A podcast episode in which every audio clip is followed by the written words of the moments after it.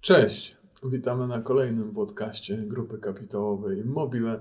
Dzisiaj ze mną dyrektor finansowy Grupy Kapitałowej Immobile Piotr Fortuna Dzień dobry. i analityk Grupy Kapitałowej Immobile Piotr Kulesa. Dzień dobry. Dzisiaj porozmawiamy o tym jako kontynuacja naszego odcinka sprzed pewnie miesiąca, tak? To jest miesiąc mniej więcej minął. E, porozmawiamy najpierw o tym, czy to ostatnia podwyżka stóp procentowych w tym roku, a później, czy ta podwyżka osiągnie e, skut, zamierzony skutek, czyli powstrzyma, powstrzyma inflację. Radzimy, e, czy zachęcamy do obejrzenia do końca, e, bo na końcu Piotr, a Fortuna powie, jaki to będzie miało wpływ na wyniki grupy kapitałowej Immobile. Myślę, że też powie, jak sobie to później przy ewentualnych czy podwyżkach, czy obniżkach, jak można mniej więcej to policzyć, a czykolwiek my będziemy o tym rozmawiać, jeśli się takie podwyżki e, albo obniżki zdarzą, bo już kolejne posiedzenie za miesiąc? Tak, za miesiąc. No to zacznijmy od tego pierwszego wątku. Czy Waszym zdaniem to ostatnia podwyżka w tym roku? Nie. Nie. Myślę, Piotr, pamiętam, zawsze e, e, wskazywał ten e, kontrakt FRA jako taki, jaki, taki wskaźnik. To co, co z tego możemy wyczytać? Sprawdzałeś przed odcinkiem? Tak, tak. Sprawdziłem kilka tych powiedzmy wskaźników, które no, utwierdzają mnie w tym, w tym przekonaniu, że to nie jest ostatnia, ostatnia podwyżka. Pierwsze WIBOR, czyli stopa, po której banki pożyczają pieniądze, no powiedzmy głównie klientom korporacyjnom, yy, przem- yy, firmom, ale często też się to w przypadku kredytów chociażby hipotecznych przekłada się to na oprocentowanie tych kredytów dla osób fizycznych. Więc WIBOR jednomiesięczny, e, to są dane z czwartku, y, w- 2,8%, czyli w zasadzie prawie odpowiada stawce NBP. WIBOR już 6-miesięczny 3,70 i WIBOR 12-miesięczny 3,94, czyli mamy ponad jeden punkt procentowy więcej w stosunku do tego WIBORu miesięcznego, co oznacza, że banki, czy klienci, czy, czy ten rynek międzybankowy przewiduje wzrost tej stopy procentowej do przynajmniej tych plus minus 4%, y, 4% w skali roku. Przywołane tutaj stawki y, y, FRA, one też wskazują na takie, a nawet wyższe poziomy, bo stawka trzymiesięczna zaczynająca się za miesiąc to jest 3,71. Stawka trzymiesięczna zaczynająca się za e, pół roku i za 9 miesięcy, bo akurat jest taka sama, to to jest 4,55 i stawka półroczna e, zaczynająca się za pół roku to jest 4,76, czyli wysoko, e, znacznie powyżej e, 4%. I jeszcze, wtedy, jeszcze może jeden wskaźnik, czyli IRS. Na rok to jest dzisiaj 4,26, na dwa lata 4,37 i to jest najwyższa e, jak gdyby ten, e, ta przewidywana stopa, ponieważ już pięcioletnia to jest 4,10, a dziesięcioletnia 3,94. No, ale Ten to, IRS to tylko przypomnij, to jest to właśnie ten kontrakt, gdzie można zamieniać tą zmienną stopę na tą stałą, E, tak? To jest e, Czyli jak, po ile można zabezpieczyć Tak, dzisiaj tą tak. zmienną stopę na stałą. Dokładnie, czyli dzisiaj gdyby ktoś ile trzeba płacić, żeby chcieć, żeby mieć stałą stopę? tak, Czyli teraz już za, za stałą stopę trzeba płacić około 4%. E, Dokładnie i w zależności od tego, jak długi jest kredyt, e, to, to czy jak długi e, ma być ten instrument zabezpieczający, to, to taka jest ta stawka. Ona oczywiście tam jeszcze za- zależy od kilku innych czynników bardziej indywidualnych.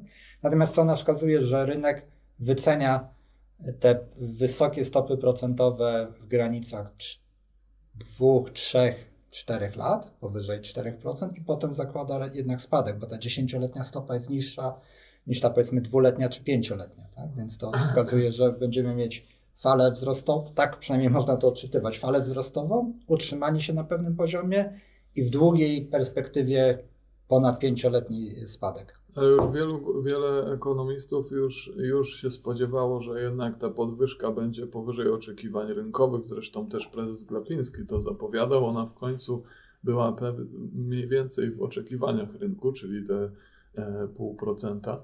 e, pół punkta procentowego. Czy ty, Piotr, myślisz, że w tym roku zobaczymy te 4%?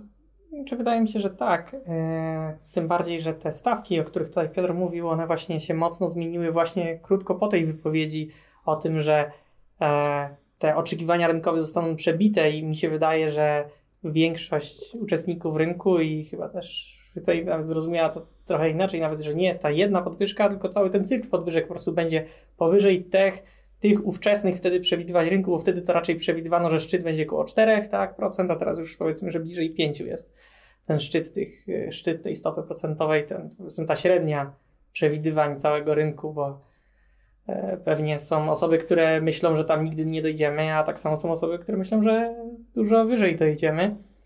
I, e... Znaczy, bo szczególnie teraz, szczególnie teraz w krótkim okresie mamy bardzo dużo tych nadal tych czynników proinflacyjnych. Ta, oprócz tych, których wymienialiśmy w poprzednim odcinku, warto, warto sobie zobaczyć, bo tam wymieniliśmy 12 tych czynników wpływających teraz bieżąco na tą powiększoną inflację.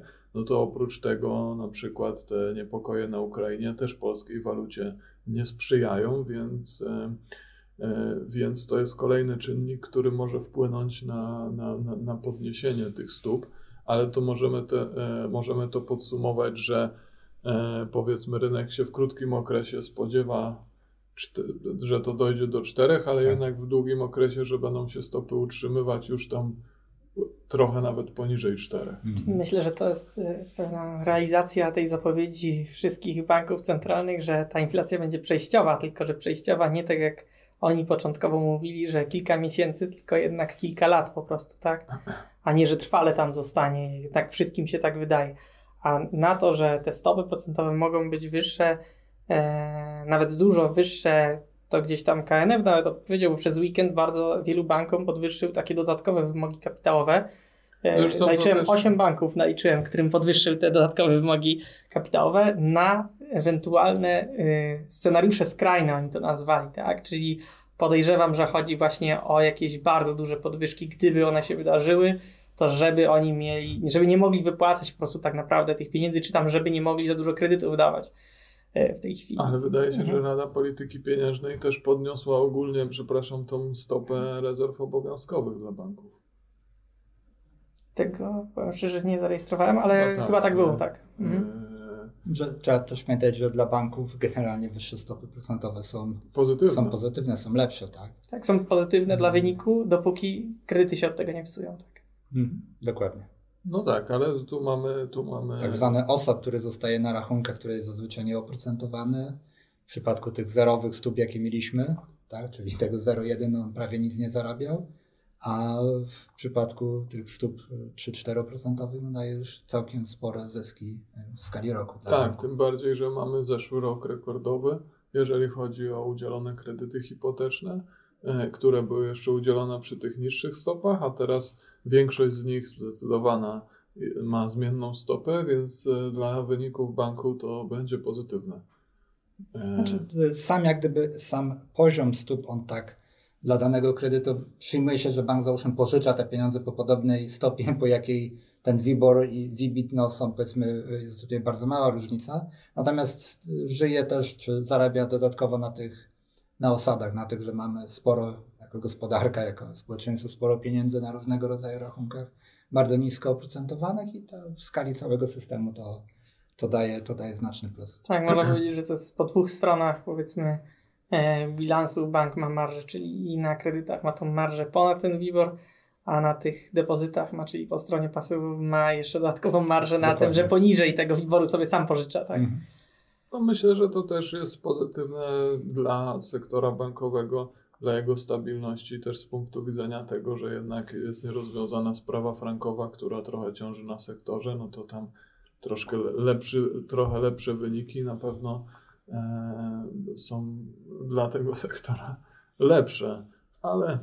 A co myślicie o takich plan, takich, no może nie planach, ale takich sygnałach, które się gdzieś pojawiają w prasie, że powinna być robiona teraz tarcza e, na, na stopę procentową, że rząd powinien coś zrobić z tą. Tak, czytałem, to była drożyzną. propozycja, hmm. propozycja, znaczy z drożyzną w stopach procentowych, tak. to była propozycja gdzieś tam e, lewicy.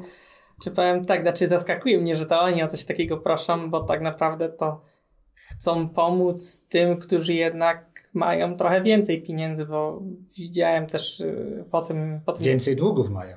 Ale więcej długu, ale jednocześnie więcej majątku, bo y, właśnie y, po, tym, po tej informacji samą też tam szukałem takich raportów, jak są sytuowani kredytobiorcy, i nie kredytobiorcy i jednak ci, którzy mają kredyty hipoteczne zwykle są, mają wyższe dochody i wyższy majątek niż ci, którzy ich nie mają, dlatego że banki nie chcą dawać tym, którzy mają mało pieniędzy, tak czy tam mało dochodów, tak nie chcą no, dawać Szczególnie też, że wzrost wartości nieruchomości był dużo szybszy niż e, wzrost kosztów obsługi tego. No ja oczywiście się tutaj zgadzam z Piotrem, że jest to jakieś tam chybione, e, ale też taka szersza refleksja tutaj Y, jak szybko zapominamy jako społeczeństwo, że to, że, czy jako taka opinia publiczna, że to, że mieliśmy stopy w granicach zera, to była pewna anomalia, a nie to. normalna praktyka rynkowa. Spójrzmy i y, spójrzmy, ile to było tam 5 lat temu i tak dalej, więc ten 1, 2, 3 punkty procentowe w skali roku, no to jest normalna, normalny poziom stóp, tak? Jeżeli ktoś zaciąga kredyt na 20 lat, to musi obserwować te stopy, czy 25 lat kredyt hipoteczny, musi obserwować te stopy, myślę, w takiej samej perspektywie, tak? I spodziewać się tego, że w ciągu tego okresu 20-letniego będzie miał kilka anomalii w różne strony. W różne, tak. tak i wzrostów i spadków, tak? Tak, znaczy, tutaj... I w skali takiej wszystko. długiej, właśnie takiego 30 lat, na który się bierze kredyt, czy tam 20, to stopy typu 5 czy nawet 10%, co prawda są anomalią, ale są jak najbardziej możliwe, tak? I każdy gdzieś tam powinien być prywatnie przygotowany na to, żeby przetrwać tam kilka lat na takich wyższych stopach, znaczy, chwilowo Znaczy, znaczy myślę, że mimo wszystko jeszcze należy pamiętać o tym, że e, każdą umowę zawierają dwie równoprawne strony i po prostu każda musi dokonać swojej analizy i podjąć świadomą decyzję. I bardzo niebezpieczne jest, kiedy mm, ktoś popełni złą decyzję i później ma, powiedzmy, podat, podatnicy mają płacić za czyjeś decyzje inwestycyjne, no bo to powiedzmy zaburza trochę te relacje i zaburza przede wszystkim wolnorynkowe mechanizmy. E, ale niestety jest w demokracjach standardem. Znaczy, znaczy wyda wydawało się przez chwilę, ale... że tak będzie z tymi kredytami frankowymi, gdzie też yy, tam badania mówią o tym, że wcześniej kredytobiorcy, którzy zaczyna, zaciągali te kredyty frankowe, byli bogatsi od tych, którzy mieli złotówkowe i bogatsi od tych, którzy nie mieli tych kredytów. Także i też chciano im pomóc politycznie. Ostatecznie tego nie zrobiono, albo zrobiono to w ograniczonej skali. Gdzieś tam sądo, sądowo są teraz te, te, te umowy obalane dużej części, tych, którzy poszli do sądu. E, a no, nie, a tak, nie ustawowo, no, inaczej niż na Węgrzech choćby. Tak? Koniec końców tamtą umowę też podpisywały dwie równoprawne strony i nikt nie kazał nikomu podpisać takiej. Jeśli były jakieś klauzule, tak jak nazywane abuzywne, no to sąd jest po to, żeby to rozstrzygnąć, aczkolwiek no, e, indywidualne sprawy i też indywidualne rozpatrywanie w sądach no jak najbardziej jest taką normalną praktyką. Gorzej, jeśli miałoby być to robione przez ustawodawcę, no bo no bo to, e, to, to, to, to budzi jakieś kontrowersje, ale przede wszystkim też zaburza mechanizmy tak, rynkowe. Tak, taką niepewność tworzy po wielu stronach i później e, tak postawmy się też trochę w roli banku, że czy trzy razy się zastanowi, czy da komuś kredyt. Ale koniec e, końców, no jak ktoś powiedzmy pożyczył e, e kilogram mąki, to powinien zwrócić powiedzmy kilogram mąki, no większość z tych, klient, większość z tych klientów miała świadomość, z czym się kredyt ma, ale nie schodźmy na tą, na, na, na tą, że tak powiem, na tą drogę. Tutaj myślę, że sprawy te powinny być roz, rozpatrywane indywidualnie. Jak ktoś się po prostu czuje poszkodowany, no to od tego są sądy, żeby to rozstrzygać, a nie ulica czy jakieś kompleksowe rozwiązania, no bo wtedy płaci podatnik, a, a jeden chce płacić, drugi może nie chcieć. Także przejdźmy może do drugiego wątku, czyli czy według Was e, ta podwyżka zatrzyma inflację? Bo jest raczej delikatna, powiedzmy, że e, wydaje się, że na PKB czy na bezrobocie powinna być bez wpływu. E, ale czy, znaczy bez wpływu, bez mocnego wpływu, bo jakiś wpływ będzie miała, ale bez jakiegoś tam e, drastycznego wpływu, a czy zatrzyma tą inflację taką po 8-9%, jaką mamy? Czy same te podwyżki nie i obawiam się, że to czynniki inne niż stricte powiedzmy finansowe e, będą umacniały to, czy przynajmniej utrzymywały, może nie umacniały, ale utrzymywały na podobnym poziomie inflację, jaką mamy, y, mamy dzisiaj. E, I to zarówno, y, i co mam tutaj na myśli, jeśli, jeśli mówię o tych czynnikach, przede wszystkim myślę, że rosnącą e, presję płacową. Dzisiaj się mówi o potencjalnych strajkach, nie wiem, skarbówki i, i tak dalej, i tak dalej, pracowników skarbowych, ale też nauczycieli, też innych, innych grup zawodowych. Słyszałem w radio, że pracownikom skarbówki zaproponowano podwyżki w okolicach 4% to zostało no, bardzo źle przyjęte jako za niskie, niewyrównujące inflacji. Y, mamy y, waloryzację emerytur na poziomie 7%, y, ciągle powiedzmy poniżej inflacji, ale to jest znaczący też wzrost tych, tych, tych emerytur. Mówi się o 13 i już znowu 14 emeryturze w tym roku, czyli kolejnym jakimś strumieniu pieniądza, który pojawi się na rynku. Myślę, że te, te, te czynniki będą powodować wzrost, wzrost po prostu cen, szczególnie z uwagi na to, że po drugiej stronie mamy bardzo silne te powody, tak e, powiem, podażowe, tak? czyli wzrost cen, chociażby tych, to, co tutaj są także protesty na ulicach, czyli Agrounia i wzrost cen, wzrost cen nawozów, tak, i to bardzo, bardzo poważny. I to, to, to, to wszystko się będzie przekładać na ceny płodów rolnych i tak dalej. I te ruchy, które są, czyli chociażby ten y, obniżenie stawek VAT, no ono ma jakiś łagodzący wpływ, ale nie będzie miało takiego silnego wpływu, ponieważ te ceny będą, z jednej strony będzie rósł popyt, bo będzie więcej y, pieniądza poprzez tą presję płacową, a z drugiej strony będą rosły ceny, bo są one niejako wymuszane poprzez różnego rodzaju czynniki. Czyli mi się wydaje, że mm, na tą dynamikę, tak jak powiedziałeś, to będą wpływały głównie te inne czynniki, tak naprawdę nie do końca te stopy procentowe, bo mm, ta inflacja producencka e, w całej Unii Europejskiej, nie tylko w Polsce, to wynosi w tej chwili 26% e, tych na czynnikach produkcji. To oczywiście. To trzeba wpisać PPI, tak? Tak, tak, trzeba wpisać PPI i wtedy się zobaczy. To różnie między krajami, ale średnia w Unii jest 26%.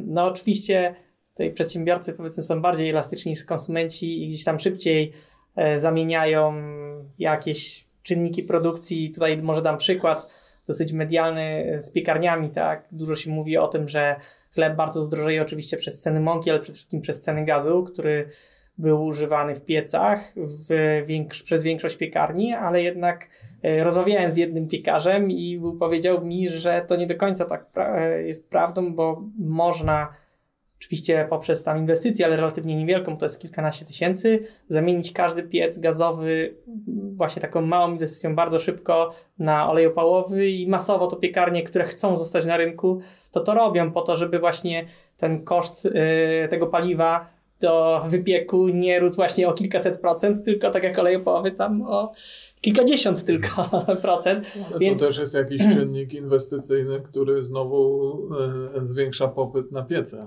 Oczywiście, ale też tak samo wydaje mi się e, na tę inflację ostatecznie konsumencką, nawet to wiele czynników jednak już będzie z czasem działało hamująco, bo też właśnie e, jak chodzi o samochody, te używa ceny używanych samochodów bardzo mocno teraz wpływały na ceny używanych i nowych w zasadzie na y, tą inflację konsumencką, bo rosły tam o 20-30% średnio. Y, wszyscy tutaj samochody więcej są, wszystkich samochody są więcej warte, mimo że się zestarzały. Y, ale to dlatego, że po prostu nie było tej podaży, tak, y, nowych samochodów, bo były te problemy z łańcuchami y, dostaw i tak dalej. I też słyszałem już od, od dealera jednego, że okej, okay, co prawda nie jest dobrze, bo nadal na niektóre modele się czeka ponad rok na, e, na dostawę nowego samochodu, ale ta kolejka już się nie przestała wydłużać, tak?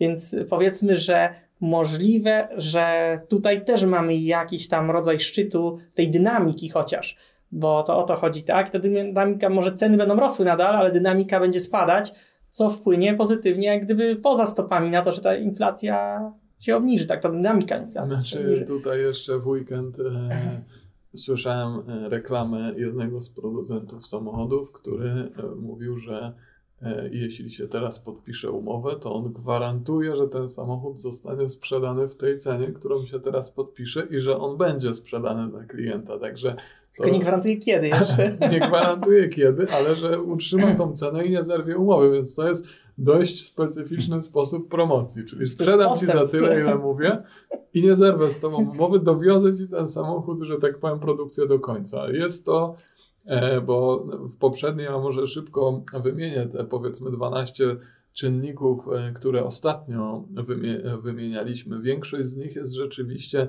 wpływająca na, na tą inflację producencką, ale wtedy mówiliśmy, że pierwszy to jest programy socjalne, nie tylko te do konsumentów, ale też między innymi te tarcze, które były na czas e, pandemii. Później nowe podatki, regulacje, no teraz e, doszedł, doszło zamieszanie związane z Nowym Ładem, ale mieliśmy w ostatnich latach bardzo dużo nowych e, opłat, czasami to są e, tak nazywane. Później powiedzmy ten e, do, dodruk pieniądza, czyli zwiększenie ilości pieniądza w, w gospodarce. Później lockdowny, polityka, polityka klimatyczna, Zielony Ład, globalne ceny żywności, polityka rolna Unii Europejskiej, ucieczka niektórych osób z gotówki, e, bo mamy, powiedzmy, mieliśmy w zeszłym roku rekordowe depozyty, mamy teraz rekordową inflację, więc część ludzi po prostu chce chronić tą gotówkę i, i poinwestować ją. E, ceny surowców, zerwanie łańcuchów dostaw, boom, boom na rynku, boom na rynku nieruchomości.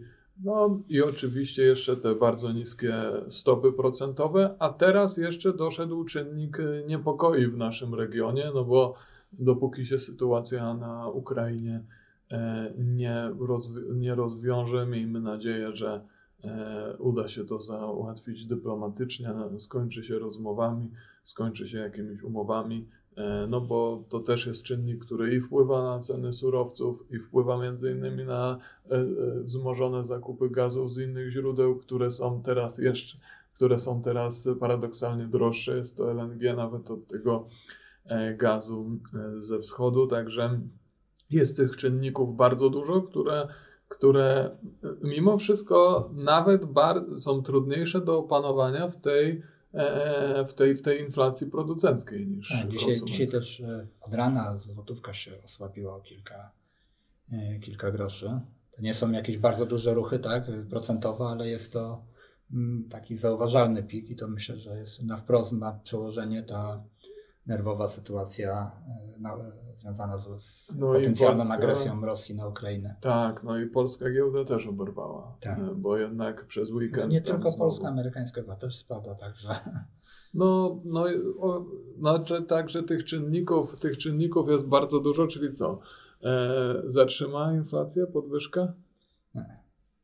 ja myślę, że mamy przed sobą taki 7-8, może trochę więcej procent w perspektywie roku, dwóch.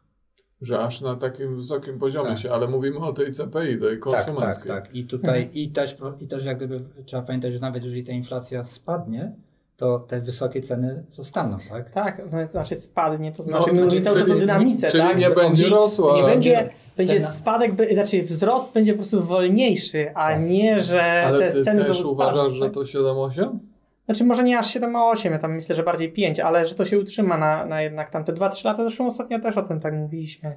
To, co do tego myślę, że nic się nie zmieniło, ale jak tylko jeszcze ten gaz, o którym tutaj powiedzieliśmy, to myślę, że on to też w tej chwili jeszcze nadal e, wpływa na wzrost inflacji, ale za chwilę, miejmy nadzieję, będzie wpływał pozytywnie znowu na zmniejszenie dynamiki Tak, inflacji, no bo, bo mamy rekordowy gaz, mamy rekordową ropę, mamy... tak. i- E, Znaczy ropa nie jest rekordowa, nie? Znaczy rekord- 90, powiedzmy 5 Ale dolarów. dawno nie ale widzieliśmy Dawno nie widzieliśmy, ale to, to, to do rekordów jeszcze trochę... No, nie wiem ile, 130 było? tak, 140? około 40. No, tak, ale to tak. też było ch- chwilę, jakby, no ale jednak mimo wszystko mm, te w dłuższych, znaczy te ceny gazu czy, czy, czy, czy ropy, one są e, poddane bardzo mocno mechanizmom rynkowym e, i, e, i myślę, że one no, w pewnym momencie też spadną, mniej, mniej możliwości pewnie spadku w przypadku prądu, bo tutaj jest to obarczone jeszcze innymi regulacjami, które teraz są, że tak powiem, bardzo popularne, czyli jest powiedzmy, że mm, dyskusja o tym, jak ma, w którą stronę ma dalej iść polityka unijna w tym, w tym kierunku. Ale powiedzmy, że obiecaliśmy też tutaj, że szczególnie e, do, do, dla naszych akcjonariuszy e, powiemy, jaki wpływ będzie, miało, będzie miała ta decyzja na e, GKI. Także jakbyś Piotr mógł w paru zdaniach powiedzieć. Ja się skupię tutaj na tych bezpośrednich czynnikach, czyli wynikających tak gdyby na wprost ze wzrostu stóp procentowych, na razie pomijając te wszystkie czynniki powiedzmy pośrednie, jak nie wiem, wpływ popytu na mieszkania, które budujemy, czy, czy, czy na inne nasze branże z, z uwagi na wzrost, czy zmiany, możliwe zmiany w popycie. Mhm. Natomiast te bezpośrednie czynniki to po pierwsze no, te odsetki, które płacimy od kredytów na bieżąco. Jako GKI mamy około 195 milionów kredytów, z czego około 75 milionów y, to są kredyty, które mam, na które mamy zawarte transakcje forward, y, przepraszam, transakcje IRS, czyli zabezpieczające stopę procentową. No ale proste odjęcie z około 120 milionów złotych kredytów jest narażone na te zmiany y, stóp procentowych.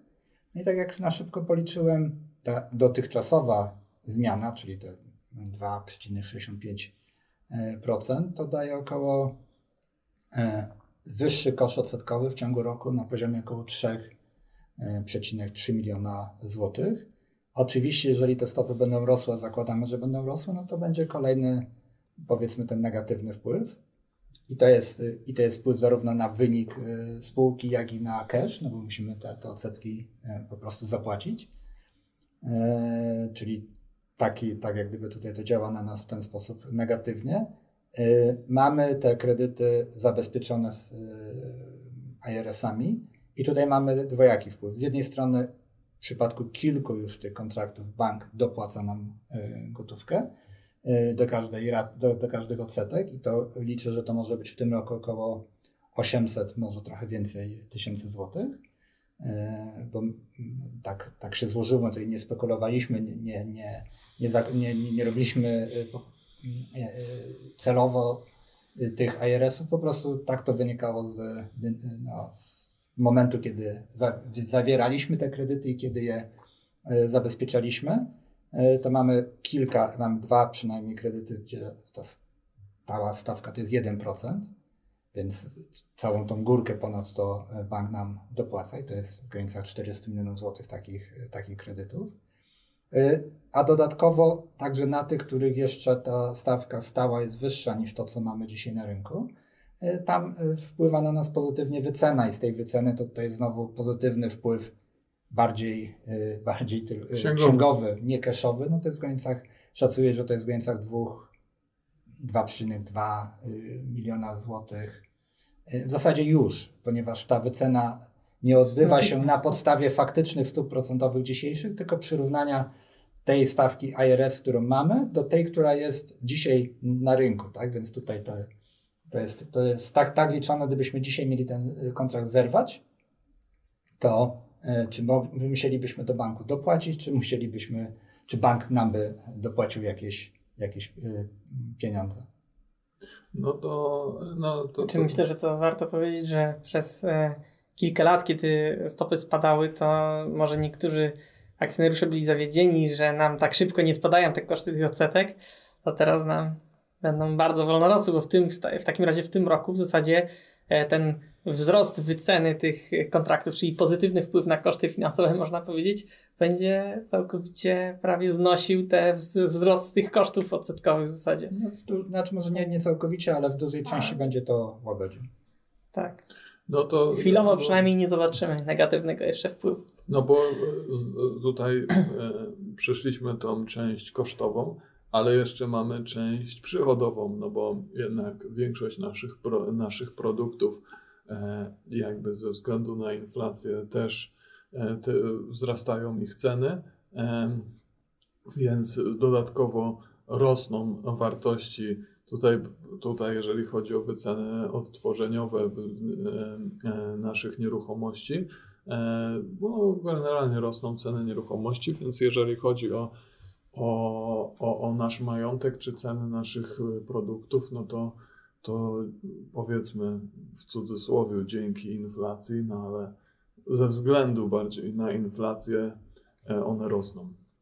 Tak, znaczy generalnie na te, tutaj powiedział, że no, ten wpływ pomija całkowicie ten wzrost stóp, czy tam wzrost inflacji. Tutaj też ciężko jest ocenić tak naprawdę, jaki on na naszą sprzedaż i to w różnych branżach będzie. Na pewno nie będzie na razie jakiś e, mocno negatywny, bo ten stopy procentowe jeszcze za mocno nie wzrosły, inflacja rośnie, więc raczej konsumenci powinni więcej kupować i chcieć jakoś i mieszkań, tak, tylko, i nawet ubrań, tak? Tylko inflacja działa w dwie strony, tak? Mamy też wyższe przez to koszty i o tym tutaj wielokrotnie no tak, mówiliśmy, tak, czy stal, czy energia, czy gaz i tak dalej, więc to są te e, tutaj, tutaj bardziej bym ja patrzył na to, że jest to e, pewna równowaga złapana, tak? Jeśli chodzi o koszt, o, e, no bo też jest, jest, jest rynek, tak? To, że jest inflacja, to my nie możemy podnieść ceny, nie wiem, w kiosku sukienki o ileś, jeżeli rynek nie będzie podnosił. Oczywiście koszty zakupu wzrastają i koszty prowadzenia sklepów, transportu i tak dalej, to, to wszystko wzrasta, co będzie wpływało na podniesienie ceny, ale jest jeszcze te, ten, ta druga strona, czyli popyt, który, który może, może jak gdyby nie, no nie, nie chcieć kupować po tych wyższych cenach, więc tutaj działa rynek, jeżeli go nie będziemy, e, nasze władze takie czy inne nie będą ingerować, to tutaj no tak. te siły rynkowe powinny zadziałać. Tak? Ale też to ciężko tak naprawdę ocenić, no bo będą, z jednej strony mówimy, że konsument może chcieć mniej kupować, dlatego że te ceny rosną, z drugiej strony, no skoro ma gotówkę, nie chce, żeby straciła na wartości, bo za chwilę jest oczekiwanie, że te produkty będą jeszcze droższe, co warto powiedzieć, że ceny bawełny choćby wzrosły o 100% w ciągu ostatnich kilku miesięcy, to także wiadomo, że te ubrania w przyszłych sezonach będą droższe, to pytanie, czy nie warto już dzisiaj kupić, a nie czekać za dwa czy tam trzy lata, będą jeszcze droższe te ubrania, tak? No, okej, okay, to wchodzimy, wchodzimy w inne wątki, które są chyba na, no, tak, na osobny tak, podcast, tak, ale rzeczywiście, jeśli uda nam się... Jeśli... I mi bardziej tylko jeśli... chodzi o to, że wcale nie jest tak oczywiste, jak ten konsument się zachowa, tak? Oczywiście, bo, bo jest z drugiej strony w przypadku czy inflacji, czy takich ryzyk czy to politycznych, znowu ta, ta Ukraina gdzieś tutaj pobrzmiewa, czy związanych, nie wiem, z niepewność związana z Polskim Ładem.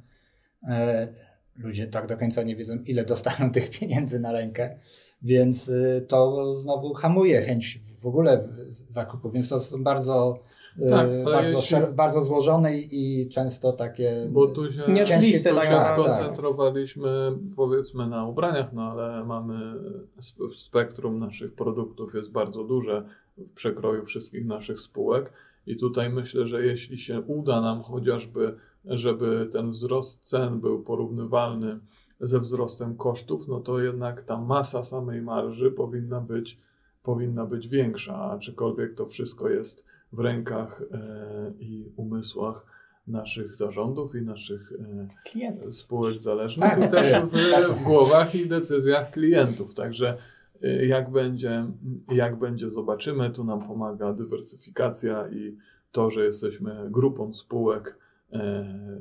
Także wszystko się okaże. Zachęcamy do czytania kolejnych sprawozdań i, i, i, i zadawania nam pytań. Także Myślę, że ten, e, ten wątek stóp możemy na dzisiaj zakończyć.